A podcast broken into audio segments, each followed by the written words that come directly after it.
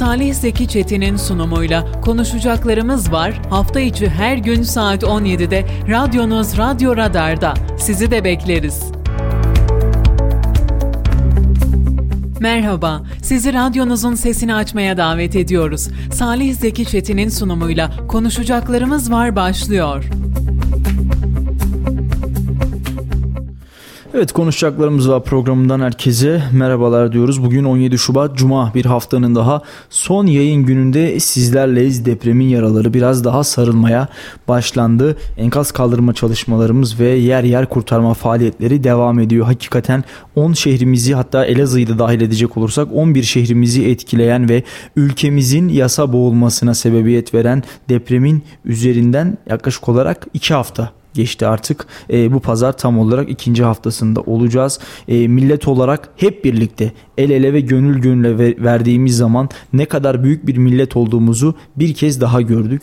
Devlet ve millet sırt sırta bir şekilde şu anda deprem bölgelerinde hem enkazı kaldırıyor hem oradaki vatandaşlara can suyu olmak için mücadelesine devam ediyor. Sadece 10 ille sınırlı değil mücadelemiz. Başta Kayseri olmak üzere depremzedeler yurdumuzun dört bir yanında yeni hayatlar kurmaya başladı ve onların acı dolu, ıstırap dolu günlerden yeniden gülebildikleri, eğlenebildikleri, koşabildikleri günlere geçmelerini sağlayacak. Bu süreci de umut ediyoruz hep birlikte yaratacağız, hep birlikte sağlayacağız. Kayseri'de şu an itibariyle 30 bin depremzedenin olduğunu söyleyelim sizlere. Dün vali vekilimizin yaptığı açıklamayla dün itibariyle 30 bin depremzede vardı. Her geçen gün sayıları kat be kat artıyor. Bununla ilgili bugün biraz konuşacağız. Kayseri'deki depremzedelerle ilgili biraz konuşacağız. Melih ile birlikte onların sorunlarını konuşacağız. Onlar için neler yapabiliriz? Biraz bunlar noktasında ben fikir jimnastiği yapmak istiyorum. Çünkü daha gelişler olacak. KYK yurtlarında şu an itibariyle yer kalmadı. E, zaman zaman fırsatçılıkla alakalı ihbarlar da tarafımıza ulaşıyor. Özellikle ev kiralarındaki fahiş artışlardan bahsediyorlar. Biraz bunlardan dem vuracağız ve e, programımızı haftanın son yayın gününü bu şekilde gerçekleştirmiş olacağız. Melih hoş geldin. Hoş bulduk. Teşekkürler Salih e, artık böyle birazcık daha yavaş yavaş mucizelerin gerçekleştiği tek tük de olsa hala e, enkaz kaldırma çalışmaları ve arama kurtarma çalışmaları sırasında hala tek tük de olsa canlı vatandaşlarımızın enkaz altından çıktığını görmek bizi bir nebze de olsa sevindiriyor. E, tabii ki binlerce vatandaşımız enkaz altında can verdi. Binlercesi yaralandı.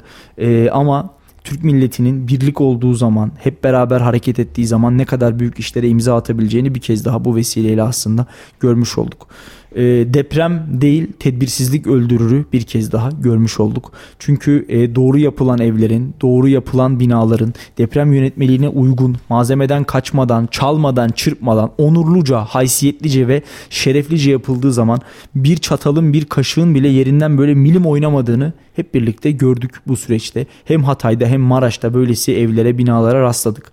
E, bir diğer tarafta da yıkıma uğrayan, enkaz olmuş, tuzla buz olmuş, yan yatmış, çökmüş, e, sırt üstü devrilmiş birçok binanın olduğunu da gördük. Burada aslında e, müteahhitlerin yapmış olduğu evlerin müteahhitlerin yapmış olduğu binaların sağlamlık derecesinin ne kadar önemli olduğunu bizlere gösterdi. Bir tarafta kaşığı çatalı milim oynatmayan binalar, bir tarafta tuzla buz olmuş, deniz kumu kullanılmış, artık demirleri paslanmış, demirleri çürümüş binaların olduğunu gördük. İyi kadar kötü de var, güzel kadar çirkin de var, yaşam kadar ölüm de var. Bizler bu deprem sürecinde bunları gördük. Tabii e, vefat sayımız her geçen gün artıyor. Bundan sonraki birkaç günde de ciddi manada ben artacağını düşünüyorum. Çünkü kayıtlar girildikçe sayılar güncelleniyor. 36 binde herhalde en son açıklanan Yok, rakam. Bir açıklaması var okuyayım istersen. Tabii ki. AFAD e, asrın felaketine ilişkin son durumu paylaştı. Bununla beraber AFAD'dan yapılan açıklamaya göre depremlerin ardından 4734 artçı deprem meydana gelmiştir. Alınan son bilgilere göre Kahramanmaraş, Gaziantep, Şanlıurfa, Diyarbakır, Adana, Adıyaman, Osmaniye, Hatay, Kilis, Malatya ve Elazığ illerinde toplam 38.044 vatandaşımız hayatını kaybetmiştir açıklamasını yaptı AFAD. Evet, her geçen dakika arttığını söylüyoruz. 38 bin yani e, hakikaten bir ilçe nüfusundan çok daha fazla yer yer. Yani Kayseri'nin ilçelerine bakalım. Bünyan'dan, Tomarza'dan, e, İncesu'dan, Akkışla'dan, Sarız'dan, e, hatırlamaya ve aklıma getirmeye çalıştığım kadarıyla aklımıza gelen yani merkez ilçeleri çıkartırsak tüm ilçelerin nüfusundan daha büyük bir rakam depremde kaybettiğimiz vatandaşlarımızın toplam sayısı hakikaten çok büyük. E, bu arada şunu söyleyeyim Serbülent Hoca mesaj atmış. Biz demiş yardımsever grubu olarak yüzlerce insana yardımcı olduk. Onlarca ev dizdik. Şükürler olsun demiş. E, bir taraftan hakikaten hummalı çalışmalar devam ediyor. Vatandaşlarımız da el birliğiyle kendileri neler yapabiliyorlarsa böyle lokal olarak onların da yardımlarını yine görüyoruz. Ellerine emeklerine sağlık. Herkesten Allah razı olsun. Hem AFAD hem Kızılay hem de e, vatandaşlarımızın koordinesinde gerçekten güzel ve büyük işlere de imza atmaya devam ediyoruz. Tabii e, Bakanın Murat Kurum'un Çevre ve Şehircilik Bakanı'nın açıklaması var ki e, o da 1 Mart itibariyle e, orada ilk temellerin atılacağı yönünde zor bir süreç olacak Melik. Hem inşaat kaldırma çalışmaları hem temel atma hem oranın e, zorlu kış şartları da göz önünde bulundurulursa e, gerçekten bizi zor bir dönem bekliyor. E, bununla alakalı olarak da tabii ki yine e, sadece bugün değil biz bunu hep söylüyorduk zaten. Bir iki günlük bir mevzu değil bu. Belki aylarca belki bir yıl sürecek ve vatandaşlarımızın ihtiyaçları hiç bitmeyecek. E, bu sebeple e, buna bağlı olarak da e, çalışmalarımızı hızlandırmamız gerekiyor. Yani bir nefeste 100 metre koşmayacağız. Biz belki de 10 kilometrelik 20 kilometrelik uzun ve geniş bir parkur bu iş. Ee, onu da söyleyelim. Bu sebeple yardımlara devam edelim. Özellikle deprem bölgesindeki e, eksiklikler, deprem bölgesindeki aksaklıklar ve e, bizim şehrimize gelen depremzedelerin bu noktadaki ihtiyaçlarının giderilmesi hususunda gerçekten yoğun bir çaba harcamamız gerekiyor. Kaba bir hesap yapacak olursak bugün işte 30 bin e, kişi gelmiş. İşte yaklaşık olarak bu da 7000-7500 aileye tekabül ediyor ortalama kaba taslak bir hesapla. Bu da 7000-7500 yeni ev anlamına geliyor. Çünkü yurtların da bir noktada boşaltılması da gerekiyor. Öğrenciler de gelecek. E, 7000-7500 boş evimiz yok yani Kayseri'de böyle bir ev yok. Bunları nereden bulacağız? Tabii ki bunların planlaması, programlanması yapılmış olması gerekiyor. Bir kısmını tekrar Maraş'a, Hatay'a oradaki evler yapıldıkça, konuldukça döndürmek gerekiyor. Ama bu insanların bir kısmı da burada istihdam sağlanıldığı noktada kalacaklardır diye düşünüyorum. Bu sadece Kayseri için değil civar illerin tamamı için aynı e, bunu da söyleyelim. Hatay noktasında e, yani Mustafa Kemal'in emaneti bize Hatay. E, Cumhuriyetimiz açısından önemli bir şehir. Hatay 4000 yıllık bir Türk şehri. Hatay 4000 yıldır Türk olan, Türk topraklarına sahip olan bir şehir. E, Hatay dün Türktü, bugün de çok şükür Türk. İnşallah yarın da Türk kalacak. Bunu hep söylüyoruz zaten. Orada tabii e, göçler oluyor. Hatay'a tabi gidip gelen çok fazla insan oluyor ama e, Hatay noktasında orası yeniden imar edildikten sonra güvenli evlere yeniden e, imarlaşma sağlandıktan sonra ben Hatay'da yaşayan insanların Hatay'a geri döneceklerini düşünüyorum. Hatay gerçekten hani bizim için böyle bazen kritik ve önemli şehirler vardır. İşte Mustafa Kemal Samsun'a çıkmıştır. Samsun'un kurtuluş mücadelesinde önemli bir yeri vardır. Sivas'ta Erzurum'da kongreler yapmıştır. Önemli bir yeri vardır. Bir Amasya'da genelge yayınlanmıştır. Önemli bir yeri vardır. E, Sam, e, Hatay'da böylesine önemli bir yer. Hepimiz biliyoruz Mustafa Kemal hasta yatağından kalkıp sırf Fransızlarla orada görüşmeleri sağlamak için bizzat kendi gitmiştir Hatay'a ve Hatay benim şahsi meselem demiştir. Bugün Hatay Türkiye Cumhuriyeti'nde yaşayan her bir ferdin bence e, ortak meselesidir. Sadece Hatay'da değil. E, bugün hani Hatay'da biraz e, yabancı vatandaş çoğunluğu çok daha fazla olduğu için diğer illere göre Hatay'ı öncelikli söylüyoruz ama e, Diyarbakır'da, Osmaniye'de, Maraş'ta, Antep'te, Adıyaman'da, Malatya'da, Elazığ'da aynı şekilde e, bizlerin ortak meselesidir. Bir kere yaraları hep birlikte sarmamız gerekiyor. Bunu söyleyelim hep birlikte ortak akıllı bu süreci yürütmemiz ve bu enkazı hep birlikte kaldırmamız gerekiyor. Bunun için de elimizden ne geliyorsa eğer insani yardımsa insani yardım, nakdi yardımsa nakdi yardım, aynı yardımsa aynı yardım. Türk milleti şu an itibariyle geçen 12-13 günün ardından deyim yerindeyse gözünü hiç budaktan ayırmadan e, elini değil gövdesini taşın altına koyacak şekilde varlık mücadelesini en güzel şekilde bence deprem bölgelerinde veriyor e, bunu söyleyebiliriz. Dün itibariyle dediğim gibi 30 bin vatandaşın geldiğini söylüyor Melih Vali Yardımcımız, Vali Vekilimiz daha doğrusu öyle söyleyeyim. E, 30 bin vatandaş azımsanacak bir rakam değil yani Kayseri'nin diyorum ya merkez ilçeler haricindeki diğer ilçelerine bakarsak tamamının nüfusundan da kalabalık. Koca Sinan, Talas ve Melik Gazi'yi çıkarsak diğer tüm ilçelerin nüfuslarından kalabalık 30 bin kişi. Bunlar tabii Kayseri'nin çeşitli bölgelerine yayılmış durumdalar şu anda depremzedelerimiz. Bu insanlara kalacak yerler lazım. Bu insanlara ekmek ve iş kapıları lazım. Bu insanları koruyup kollamamız lazım ve onlarla birlikte yaşamayı öğrenmemiz lazım. Onlar bu vatanın özbeöz çocukları. Bizler e, geçtiğimiz dönemde iç savaştan kaçan mültecilere, Afganına, Pakistanlısına, İranlısına, Suriyelisine kadar kapılarımızı sonuna kadar açtık. Bugün sıra öz be öz kendi evlatlarımızın, kendi vatandaşlarımıza kapı açmakta. Ben bunu da en iyi şekilde yapacağımızı düşünüyorum. Kahramanmaraş'ta Hatay'da özellikle en çok yıkımın olduğu illerden ikisiydi.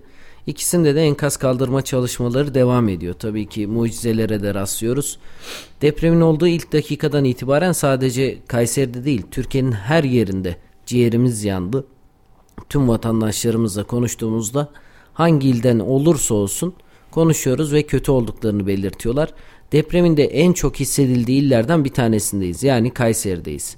Kayseri'de belki daha çok fazla hissetmemiz oradan gelen depremzede ailelerle daha yakın bir temas kurabilmemiz açısında, onların psikolojisini anlayabilmemiz açısında büyük de önem arz ediyor. Kesinlikle. Tabii ki ülke anlamında değiştirecekleri var. Deprem bölgesi yerinde değişecek hayatlar var. Ama Kayseri'de de senin de söylediğin gibi 30 bin kişi geldi. Evet. Gelmeye de devam edecek Melih. Yani ortalama Kayseri'ye belki e, 100 bin hani 100 bin civarında bir gelişin olacağını ben düşünüyorum. Çünkü Kayseri lokasyon olarak da çok yakın biliyorsun dün açıklanan verilere göre de aynı zamanda e, koordinasyon merkezi durak noktası olarak da Adana, Mersin ve Kayseri seçili lojistik merkeziyiz biz. E, buradan da anlayacağımız üzere aslında Kayseri'ye büyük iş düşüyor. Bugün bir yaptıysak yarın 5 yapmamız gerekiyor. Bugün 2 yaptıysak yarın 10 yapmamız gerekiyor. Bunları göz önünde bulundurmak lazım. Şimdi bir taraftan da bakıyorum Ankara'da mülteci e, depremzedeler geldiği için e, deprem emlak konut fiyatlarında iki katına yükselmiş. Evet. Ve şu an büyük ihtimalle Kayseri'deki fiyatlara da bakacağız. Onunla ilgili ne gibi gelişmeler var diye ama yani şunu yapmamamız gerekiyor. İnsanlar burada mağdur olarak buraya geldiyse krizi fırsata çevirmek isteyen kişiler de olacaktır. Biraz daha insanlık duygumuzun, insancıl duygularla hareket edip yardım eğer yardım etmek istiyorsak depremzedelere kapımızı açmak istiyorsak onlara fahiş fiyatlar uygulayarak kendi evim var kalırsa kalsın kalmazsa kendi bilir mantığıyla fiyatları yükseltmenin anlamı yok. Burada yani bizim de vatandaşlarımıza çağrımız olsun. Gelen insanlar evini, hayatını, hayallerini, umutlarını kaybetmiş kişiler geliyor buraya. Onlara bizim insanlık olarak yardım edebileceğimiz en güzel zamanlardan bir tanesini yaşıyoruz. O yüzden Buradan da biz yenileyelim çağrımızı. Lütfen ama lütfen eğer böyle bir şey yapıyorsanız gelen vatandaşlara yardımcı olmak adına sizler de elinize gelen e, fırsatları değerlendirmekte fayda var diyelim. Biraz önce AFAD'ın açıklamasını okumuştuk. AFAD'ın açıklaması ile beraber devamını da okuyalım. 38.044 vatandaşımızın kaybedildiğini belirtilmişti AFAD.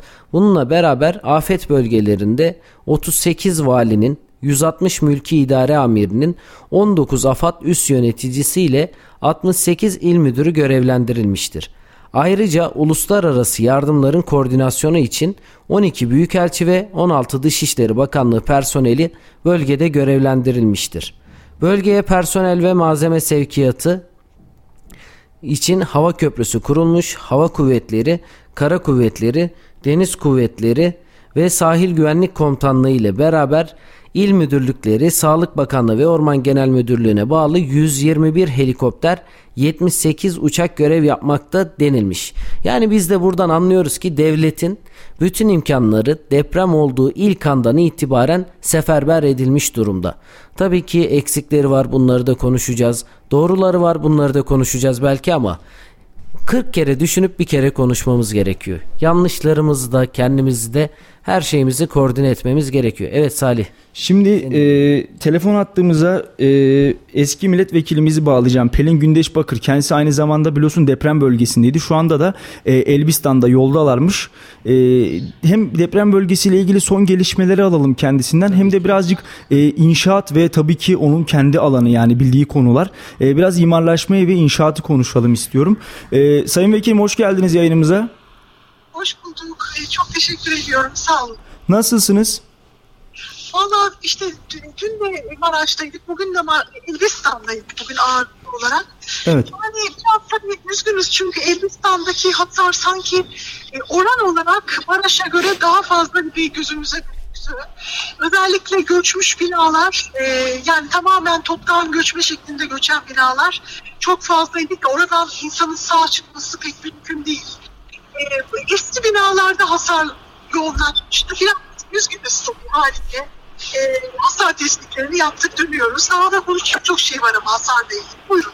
Efendim şunu sormak istiyorum size. Tabii bizler buradan e, anlatıyoruz, söylüyoruz, vatandaşlarımıza çağrılarda bulunuyoruz ama e, direkt görmüş, o, o alanı görmüş, havayı teneffüs etmiş ve tabii ki sizin de kendi e, alanınız olarak hem bir e, eğitimci hem bir e, milletvekili gözüyle hem bir hoca gözüyle bakacak olursak e, ne kadar sürede toparlanabiliriz? Oradaki durum vatandaşlarımız merak ediyor. Biraz özetleme şansınız var mı bizlere? Tabii ki tabii ki. Ben ve İnşaat Fakültesi'nde öğretim üyesiyim.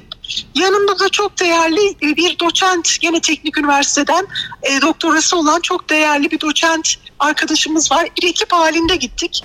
Şimdi e, Maraş'ı e, baştan başlamak gerekirse Maraş'ta Azerbaycan ve Trabzon caddelerinin e, de hasar yoğunlaşmış vaziyette. Onların kesişiminde bir üçgen oluşmuş. Özellikle o bölgede tamamen toptan göçme şeklindeki göçmeler oluşmuş. Daha lokalize e, hasarlar, daha bölgesel. Bunu da biz şuna bağladık. Yani tabii o bizim e, Trabzon gittiğimiz Trabzon Caddesi, Azerbaycan Caddesi biraz e, ova gibi bir yerde kalıyor. Muhtemelen zemin koşulları oranın çok kötüydü. E, benim şahsi fikrim şudur. Yani zemin sağlamsa tamam mı? Evet. İsterseniz çürük bir binada olun. E, o zaman gene de belki binanız hasar görür ama can güvenliğiniz sağlanarak e, oradan çıkabilirsiniz. Ama zemin çürükse, alevyonsa, zemin büyütmesi varsa o zaman binanız sağlam olsa dahi hasar görme ihtimali vardır. O yüzden zemin koşulları da çok etkilidir binaların deprem dayanımı üzerine. Biz Evet. o e, Maraş'ın merkezindeki hasarı daha ziyade zemin koşulları e, sayesinde biraz büyümüş yani deprem kuvvetleri binalar üzerine etkiyen. Binalarda e, tabii ki konstrüktif hatalar var, hep gördüğümüz şeyler var. Biraz da eski binalar o bölgede yoğunlaşmış vaziyette. Biz biliyorsunuz e, 1999'dan sonra e, çok iyi bir Türk deprem yönetmeliği çıkartıldı. Ondan önceki yönetmelik biraz daha zayıftı. İşte 99'u bir milat olarak kabul edelim. Evet. Yani 2000 2000'den önceki binaları depreme dayanıksız sayabiliriz. 2000'den sonraki binalarda hasar e, yani toptan göçmeyi görmüyoruz en azından. Evet. Bu çok önemli. E, şeyde e, hasar tipleri hep aynı. Elbistan'da da Maraş'ta da göçen binalar hep eski binalar. E, kolon kiriş bileşimlerinde sargı yeteri kadar sargı olmayan yani etriye bulunmayan binalar. Dolayısıyla e, beton e, mesela burada bu depremlerde düşey e, e, depremin düşey e, bileşeni çok kuvvetliydi. Kolonları vurduğu zaman kolonların da kapasitesi aşılmış oluyor. Çünkü o kadar büyük bir düşey kuvvete e, direnmek için e, tasarlanmamış o kolonlar. Dolayısıyla e, kolonlarda beton dışarı doğru gitmek istiyor, genişlemek istiyor. Eğer etriye yoksa onu saran çelik o zaman oralarda çok büyük hasarlar olabiliyor. Bu bir. İkincisi o etriyeler yeteri kadar kolon kiriş bölgelerine koyulmadıkları için o kolon kiriş bileşim bölgelerinde mafsallaşma oluyor. Hasarlar orada lokalize oluyor. Donatılar tamamen göçen binalarda nervürsüzdü. Ee, iyi bir ankraj sağlanmadığı ortada. Bazen kolon kesilen binalar gördüm. Yumuşak kat, yumuşak kat hasarları gördüm.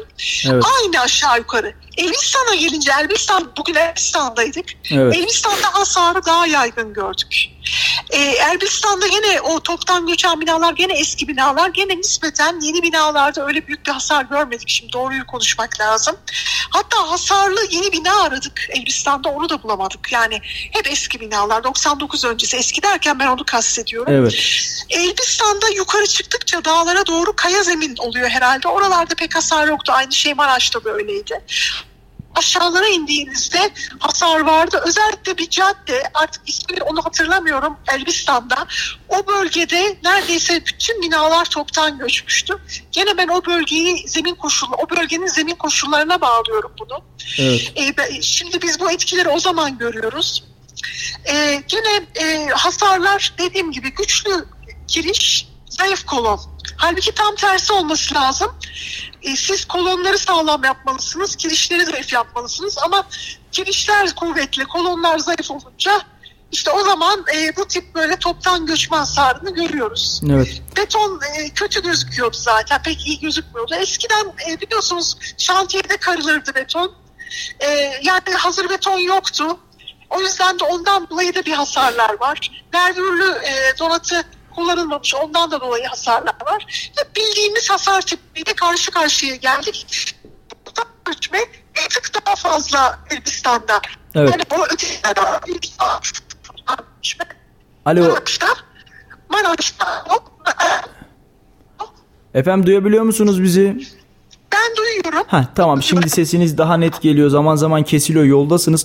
Ee, çok kısa şunu da sorayım daha fazla vaktinizi almayalım isterseniz. Şimdi Kayseri'de de vatandaşlar e, özellikle evlere girme noktasında girelim mi girmeyelim mi? Evet yıkım olmadı ama hani şehirde bir e, panik havası hakim oldu. Yeni yeni evlerimize dönmeye başladık. E, hasarlı evler şu anda e, Çevre Şehircilik İl Müdürlüğümüz tarafından tespit ediliyor ama bizler vatandaş olarak hani e, kendimiz anlayabilir miyiz ya da e, yeni binalarımıza eğer çatlağımız yoksa gönül rahatlığıyla girebilir miyiz? Alo. Sayın Bakır bizi duyabiliyor musunuz? Evet, Sanırım. Sanırım evet hat kesildi. Kendisi de e, şu anda Elbistan'da e, yola dönüyormuş. Tekrar bağlamaya çalışalım istersen Melih.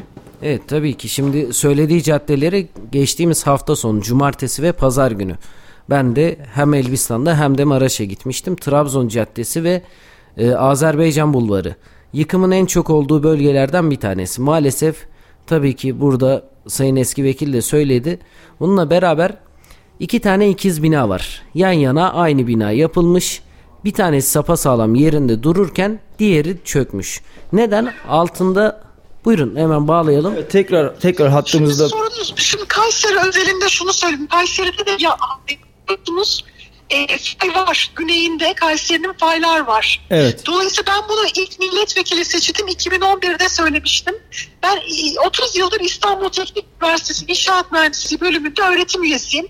Profesörüm 13 yıldır. Öğretim üyesiydim. Şimdi dolayısıyla o zaman uyan 2011'de işte burası deprem bölgesi deyip şehrin bazı yerleri çıkmıştı. Ama ne kadar haklı olduğum şimdi ortaya çıkıyor. Çünkü Kayseri'de de bazı hasarlı binalar var biliyorsunuz. evet Şimdi şunu söylemek lazım. Ee, çok yüksek binalar tercih edilmiş. Bu kadar yüksek binalar zemin çok sağlam olmadıkça belki gitmemek daha doğru olurdu. Ben yöneticisi olsam o şekilde planlamazdım şehri. Burası bir tarihi şehir. Yani böyle bir tarihi şehirde yani ona uygun e, binalar yapmak daha doğru olurdu. Fakat çok yüksek binalar var. Vatandaşlarımıza şunu söylüyorum.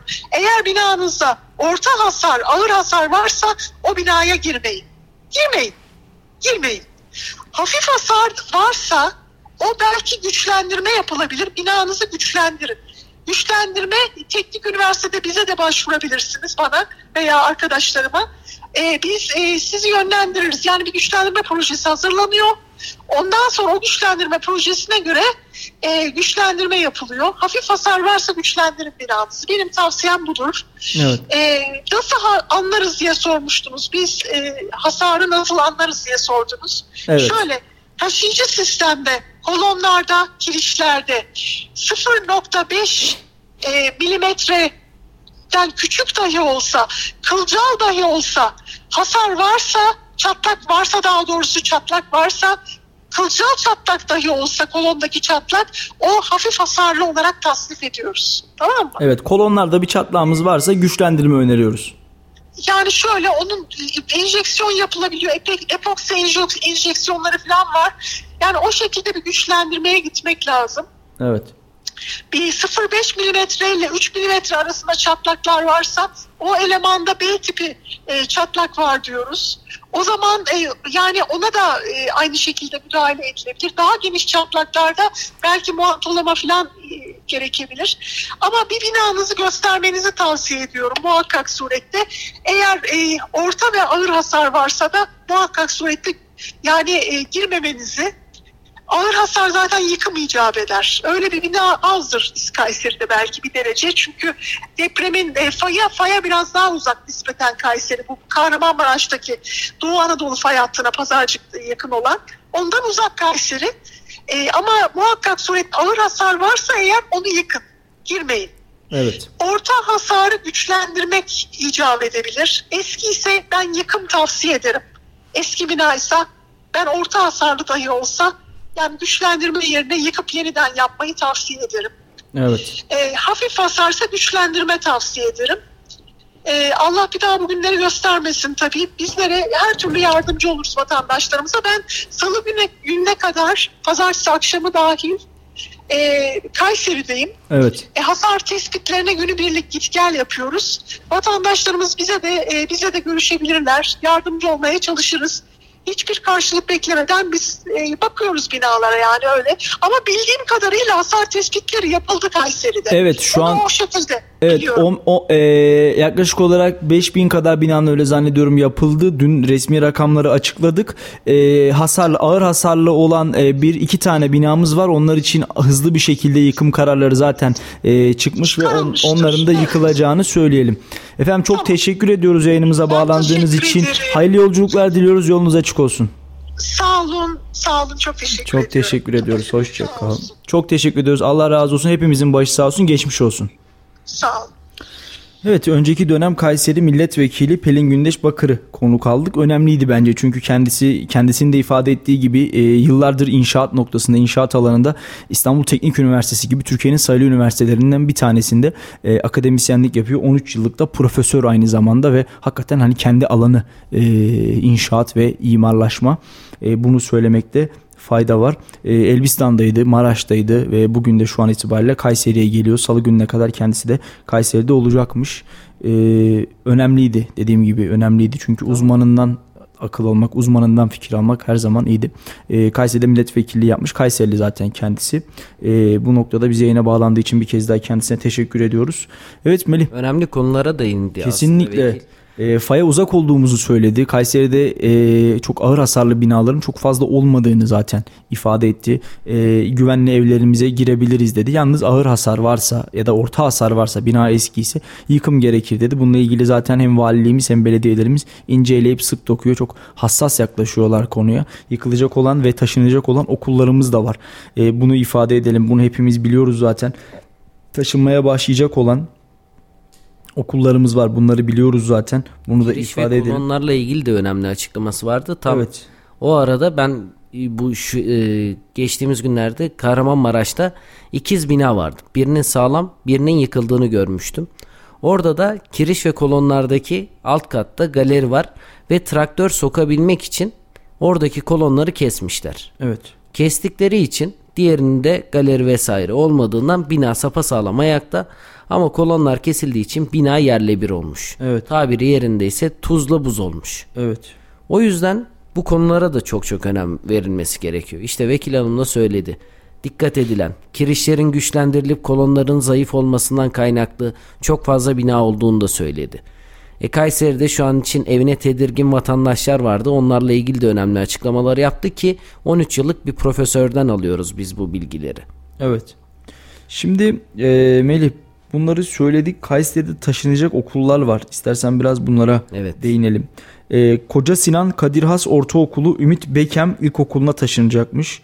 E, Melik Gazi Besime Özderici Ortaokulu Mehmet Mirboğlu İlkokulu ile Erbosan e, Ortaokulu'na taşınacakmış. Koca Sinan Özakçalar İlkokulu Mehmet Hacı Soyuşık İlkokulu'na taşınacakmış. Yine e, Yunus Emre İlkokulu Mustafa Öner İlkokulu'na taşınacakmış. E, Ahmet Ulucan İlkokulu Osman Ulubaş Sümer Ortaokulu'na taşınacakmış. E, Koca Sinan Gevher Nesibe Özel Eğitim Okulu e, Koca Sinan Özel Eğitim ve Meslek Lisesi'ne taşınacakmış. Melik Gazi Ahmet Kirazgiller İlkokulu Osman Kavuncu Ortaokulu'na taşınacakmış. E, Mustafa Eminoğlu Anadolu Lisesi Osman Ulubaş Köşk Anadolu Lisesi ile Mustafa Eraslan Anadolu Lisesi'ne taşınacakmış ve son olarak da Talas Cemile Oğulcuklu İlkokulu Rauf Denktaş Ortaokulu'na taşınacakmış. Bu binalarda defaatle acil bir şekilde e, boşaltılacak ve o noktada da e, okullarımız taşınacak. Bunu söyleyelim. Bildiğim kadarıyla e, bildiğim kadarıyla burada hızlı bir şekilde taşınması gerçekleşen okullarımız da var. Önceden taşıdıklarımız da var. Çünkü öğrenci sağlığı tabii ki öğretmen sağlığı yine e, oldukça önemli. E, yerinde bir karar belki de hani geç bile geç bile kaldık belki de ama e, en azından e, yıkılmadan öğrencilerimizi taşıyoruz. Bu da bir şeydir diyoruz. Hakikaten e, Kayserimize ve ülkemize bir kez daha geçmiş olsun. Deprem değil tedbirsizlik öldürüyor. Şimdi biz de depremi en fazla yaşayan illerden bir tanesiyiz ve hasar alan binalar da var. Belki sıva çatlakları var. Belki boya çatlakları var ama yani hasar alıyor mu alıyor. Öncesinde biz bu tedbirleri uygularsak işte dün sen de toplantıya katıldın. Basın toplantısı düzenlendi ve orada Kayseri'deki son gelişmeleri aktardı yetkililer.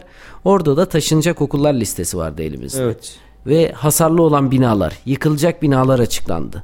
Şimdi vatandaşlar gözünde bir de fısıltı gazetesi diye duyduğumuz şeyler var. İşte şöyleymiş de böyleymiş de yanlış bilgilerle insanları yanlış yöne yönlendirebiliyorlar. Maalesef. Ama direkt yetkililerin çağrısıyla kaç tane bina yıkılacak, kaç tane binada hasar var, hangi okullar nereye taşınıyor, Bunlar zaten açıklanıyor. Şimdi Dün toplantıdaydın. Onu sorayım evet. sana. Bu toplantıda neler oldu? Ne gibi bilgiler geldi? Bu toplantı ile ilgili bilgi verebilir misin? Şimdi sadece? şöyle e, Melih biliyorsun Sayın Valimiz Gökmen Çiçek yaklaşık e, 12-13 gündür yani e, deprem gerçekleştiği andan itibaren görevlendirmesi yapılarak Kahramanmaraş'a koordinatör vali olarak atandı. E, kendisi Kahramanmaraş'a gittikten sonra e, vali vekilliğini vali vekilimiz, vali yardımcımız Abdullah Kalkan yürütüyordu ve 10-11 e, gün kadar kendisi görev aldı bu noktada e, ve vali vekilliği göreviyle Kayseri'deki bu süreci koordine etti. Dün itibariyle e, vali vekili değişti onu söyleyelim. Vali vekili Abdullah Kalkan değil Şenol Esmer atandı vali vekilliğine Gökmen Çiçek gelene kadar kendisi bu noktada bizlere e, valilik edecek, şehri yönetecek. Şunu söyledi. E, bugün ben geldim ama yarın bir başkası da gelip buraya oturabilir dedi. Yani bu vali vekilliği olayı değişebilir dedi. E, biraz istersen rakamlardan bahsedeyim ben. Kayseri'de 2432 hasar tespiti yapıldı ve il genelinde 73 ağır hasarlı yapı. Bak ev, bina demiyorum yapı. Bunlardan çoğu minareler, e, cami minarelerinden oluşuyor birçoğu. E, üçü konut, il merkezli ve bir adet de 12 katlı yapı. Zaten önünde bir haberde çekmiştik biliyorsun şehrin hemen göbeğindeki o yapı yıkılacakmış. Bunlar ağır hasarlı olarak bildirilmiş. 3 tanesi konut tekrar söyleyeyim. Bir tanesi de 12 katlı bina ve geri kalan da minareler, cami minareleri ağır hasarlı olarak e, açıklandı. 30.087 depremize de dün itibariyle Kayseri'ye gelen rakamdı. 20 bin kişi kendi imkanlarıyla konaklıyor. 10 bin kişi ise e, KYK yurtları dediğimiz devlet kontrolündeki noktalarda konaklamayı sağlıyor. E, 18 yardım tırı gönderdik dedi Şenol Esmer deprem vuku bulduğundan beri ve e, anda 18 tır gönderdik dedi. Bugün itibariyle ise Kayseri olarak bölgeye 497 adet tır gönderildi. Dün itibariyle de dedi yani bir gün öncesi için söylüyor. Türkiye genelinde Mersin, Adana ve Kayseri lojistik merkezi seçildi. İl dışından gelen yardımların tamamı buraya gelecek ve buradan koordinasyon valilerinin ihtiyaç listelerine göre sevk edilecek. Ee, biraz hastane rakamlarından da bahsetmek gerekirse Kayseri'ye toplam 5150 e, depremzede e, depremden etkilenmiş olarak başvuruda bulundu. 619'u şu an servislerde yatıyor. Maalesef 233 kişi yoğun bakımda tedaviye devam ediyor. E, 4153 kişi taburcu oldu. 100 kişi ise ayakta tedavi olup hastanelerden ayrıldı. Hastanelerimizde 774 boş kapasitemiz var. Acil durumlara karşı mevcudumuz bu dedi. 70 tane de yoğun bakım mevcut dedi Şenol Esmer.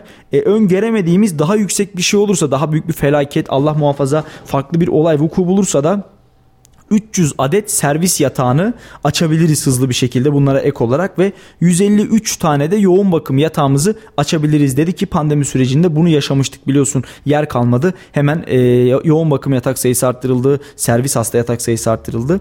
E, 60 tane çocuğun Kayseri'ye geldiğini söyledi. 42'sinin hastanede olduğunu ifade etti. 10 tanesinin kimliği hala maalesef belirlenememiş. E, 7 tane çocuk da sosyal hizmetlerde. Sosyal hizmetlere toplam 13 çocuk verilmiş 6 tanesi ailesi tarafından tespit edilmiş ve ailesi olduğuna da kanaat getirilince çocuklar e, ailelerine teslim edilmiş ve 264 tane de ağır engelli vatandaş depremden etkilenmiş olarak Kayseri'de 264'ü de yine bakım evlerine konuk evlerine yerleştirilmiş durumda.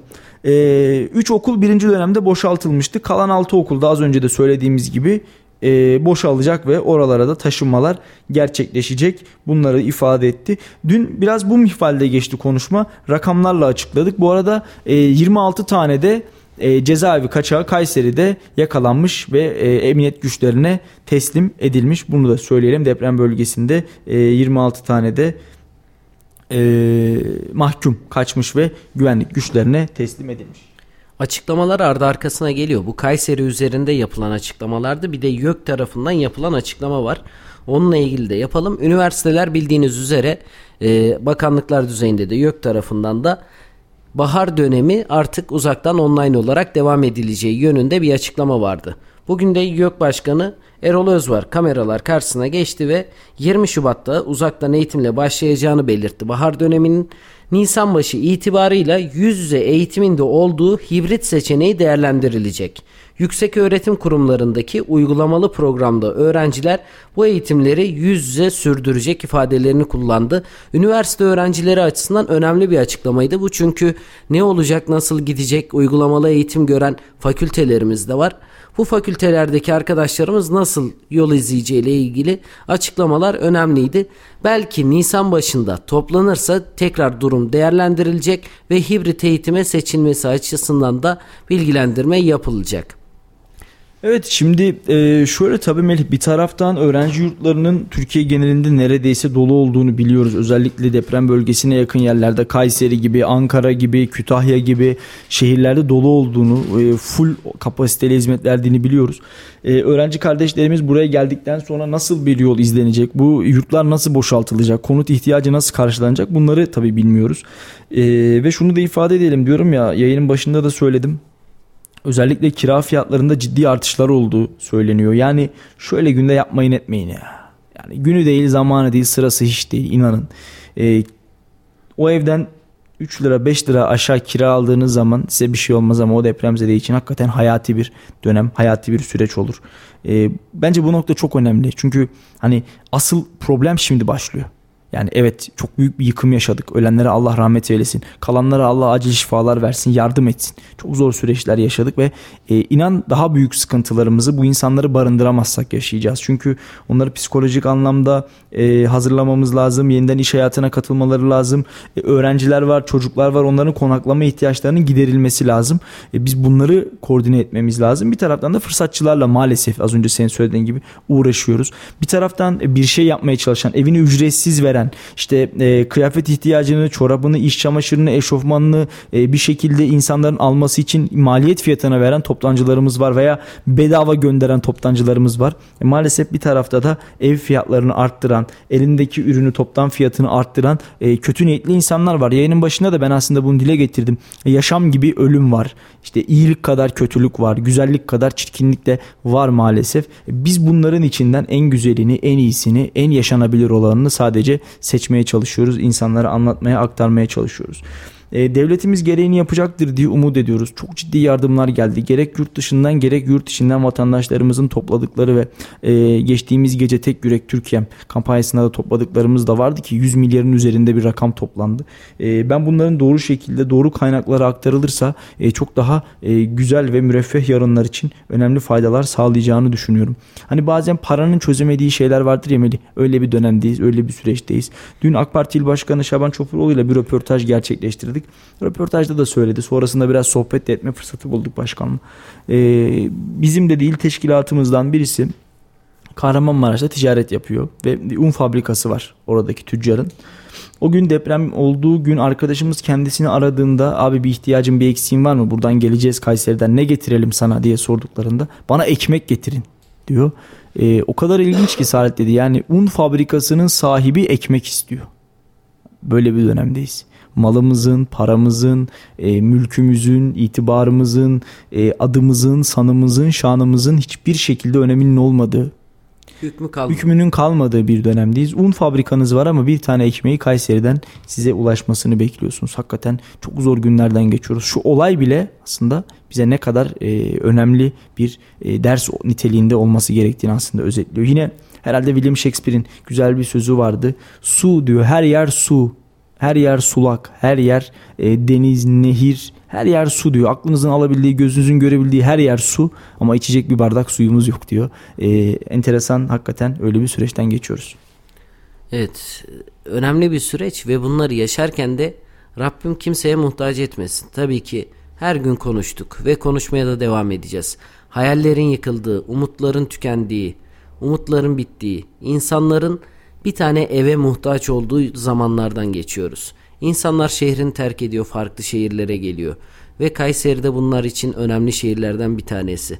Biraz önce YÖK'ün de açıklamalarını duyduk. Peki ben şunu merak ediyorum Salih, senin açından.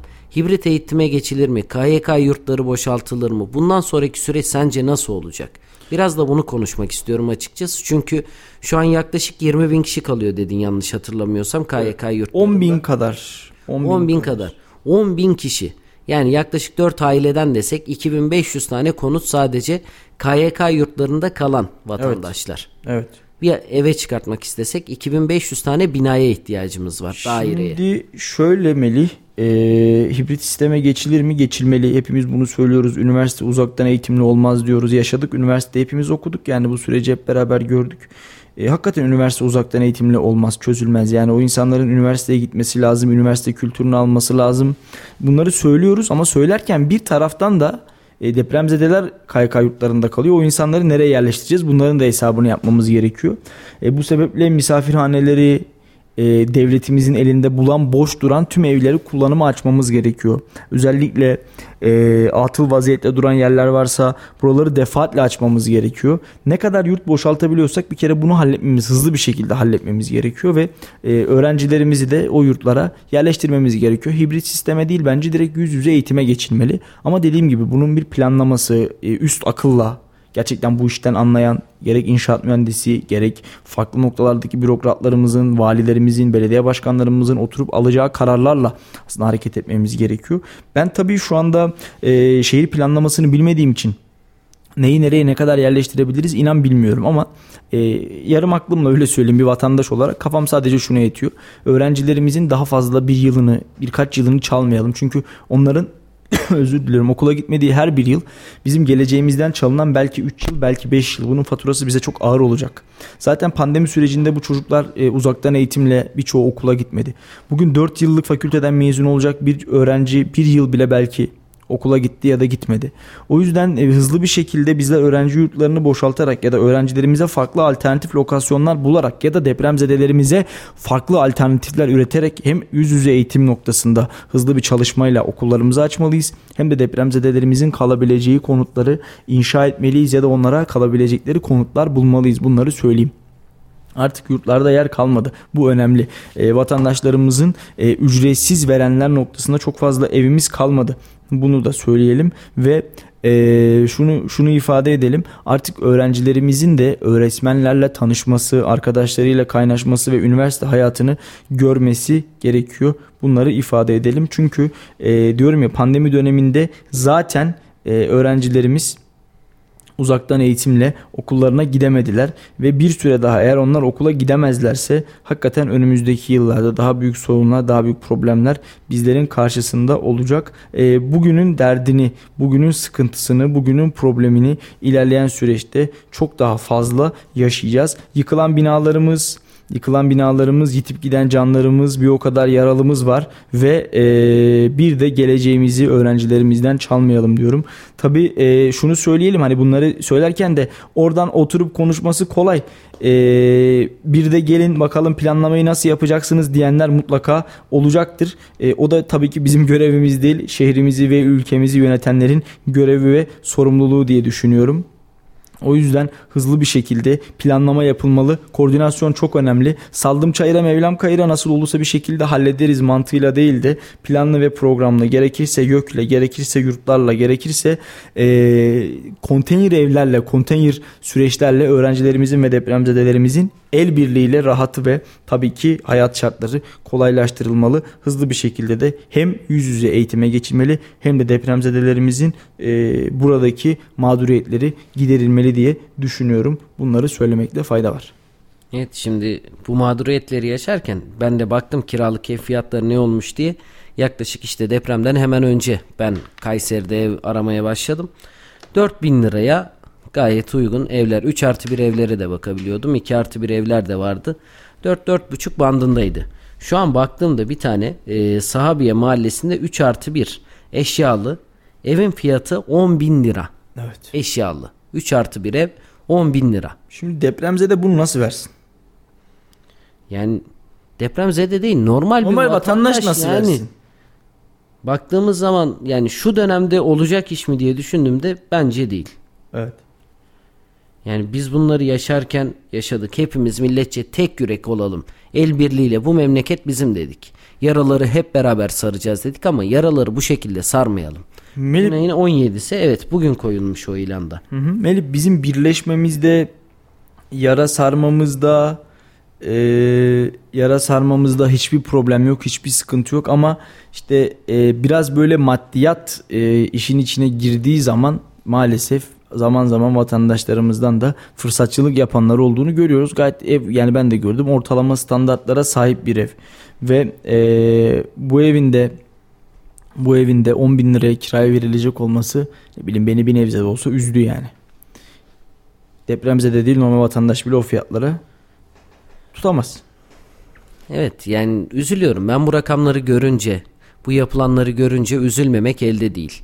Ama gördüğüm kadarıyla şu da var. Evet kötü yönlerine bakıyoruz ama güzel yönlerine de bakalım. İlk dakikadan itibaren bütün insanlar seferber oldu. Özellikle Kayseri'de.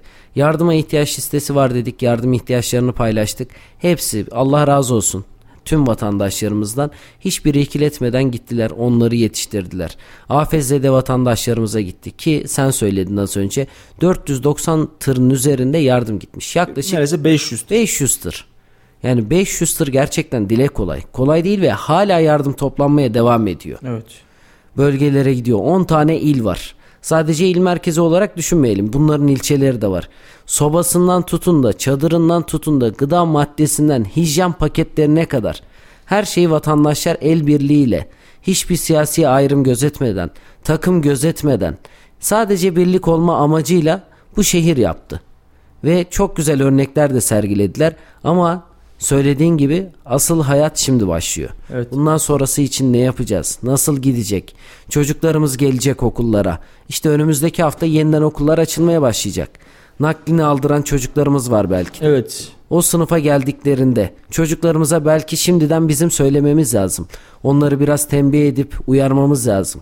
Yeni gelen arkadaşlarına böyle acıyıcı gözle psikolojilerini bozacak düzeyde değil de normal bir arkadaşmış gibi. Çünkü hatırlayalım yaklaşık iki hafta önce o arkadaşlarımız da o küçük kardeşlerimiz de okullarına gidiyordu. Okulları vardı. Sınıfları vardı. Öğretmenleri vardı. Çok güzel sınıflarda ders işliyorlardı. Ama bu şehre geldiler. Belki bundan sonra çocuklarımızla aynı sınıfta okuyacaklar. Şimdiden çocuklarımıza onları rencide etmeyecek şekilde, psikolojilerini etkilemeyecek düzeyde belki de çocuklarımızı uyarmamız gerekebilir. Bizler de belki her şey maddi yardım değil, manevi olarak da yardım edeceksek kendi çevremizden başlayarak bu tür uyarılarla o vatandaşlara ne kadar dokunabilirsek fayda sağlar diye düşünüyorum. O yüzden çocuklarımızı da uyarabilirsek naçizane bizlerin de tavsiyesi bu olur. Şimdi diğer illerden gelen plaka kodlarını da görüyoruz. İşte şehirde biz yayınlarımızda da konuştuk. İşte bu plakalara dikkat edelim, selektör yapmayalım, korna çalmayalım gibi. Bunları yapmadan önce aslında konuştuğumuz her bir insanın bile asansörde evimize çıkarken konuştuğumuz bir insanın bile depremzede olabileceğini, o olaylardan etkilenip şehrimize geldiğini unutmayalım. Kimle konuşursak konuşalım. Karşımızdaki insan psikolojik olarak etkilenmiş olabilir. Karşımızdaki insana saygı gö- göstererek gerekirse 40 kere düşüneceğiz, bir kere konuşacağız. Ama vatandaşlarla olan diyaloglarımızda özellikle bu dönemlerde daha çok hassas olmamız konusunda fayda var diye düşünüyorum. Evet. Ee, bu dönem 3 düşünüp bir söyleyeceğiz. Belki 10 düşünüp bir söyleyeceğiz. Duruma göre, lafımızın ve düşüncemizin ağırlığına göre de hareket edeceğiz. Melih haftayı kapatıyoruz yavaş yavaş. Ee, gerçekten bizim için de zor bir haftaydı. Deprem psikolojisini e, hani böyle üzerimizden atmayı boş ver. Daha çok içine daha çok girdabına e, çekiliyoruz sanki. E, insanlarla konuştuğumuz zaman gerçekten yoğun bir şekilde psikolojik anlamda yıprandıklarını görüyorum. Yaraları saracağız ama inşallah bu yaralar sarılırken biz biz olmaktan çıkmayız Mayıs. Bu arada e, bir spor giyim mağazası hepimizin bildiği bir AVM'de Türkiye'nin her yerinde var. Dün orada kafa lambası bitmiş mesela. İnsanlar e, o kadar çok kafa lambası almışlar ki Allah muhafaza bir deprem durumunda bir deprem anında tabii ki hayatta kaldı hayatta kalmamızı sağlayacak önemli etmenlerden bir tanesi. İnsanlar şu anda deprem hazırlığını yapıyorlar. Ama şunu söyleyeyim e, her depremden sonra aslında aynı şeyi konuşuyoruz. Unutmayalım depremi. Depremin yaralarını sardıktan sonra da deprem bilincini, deprem hassasiyetini unutmayalım. Bu mihvalde de e, inşallah aynı bilinçle hem bizler vatandaş olarak aynı bilinçle davranalım. Hem mimarlarımız hem mühendislerimiz hem müteahhitlerimiz inşallah hem de milletimiz aynı bilinçle davranmaya devam eder diyelim. E, değerli dinleyenler konuşacaklarımız var programının bir haftalık e, bölümünün daha sonuna geldik aslında. Pazartesi günü yeniden sizlerle olacağız. E, umu, umut ediyoruz ki umut dolu haberleri sizlere ulaştırabildiğimiz, e, yeniden mutlu günlerimize kavuşabildiğimiz ve deprem yaralarına tam manasıyla sarabildiğimiz bir haftaya kavuşmuş oluruz. Şimdilik bizden bu kadar diyorum. Hoş kalın, hoşça kalın, mutlu akşamlar. Salih Zeki Çetin'in sunumuyla konuşacaklarımız var sona erdi.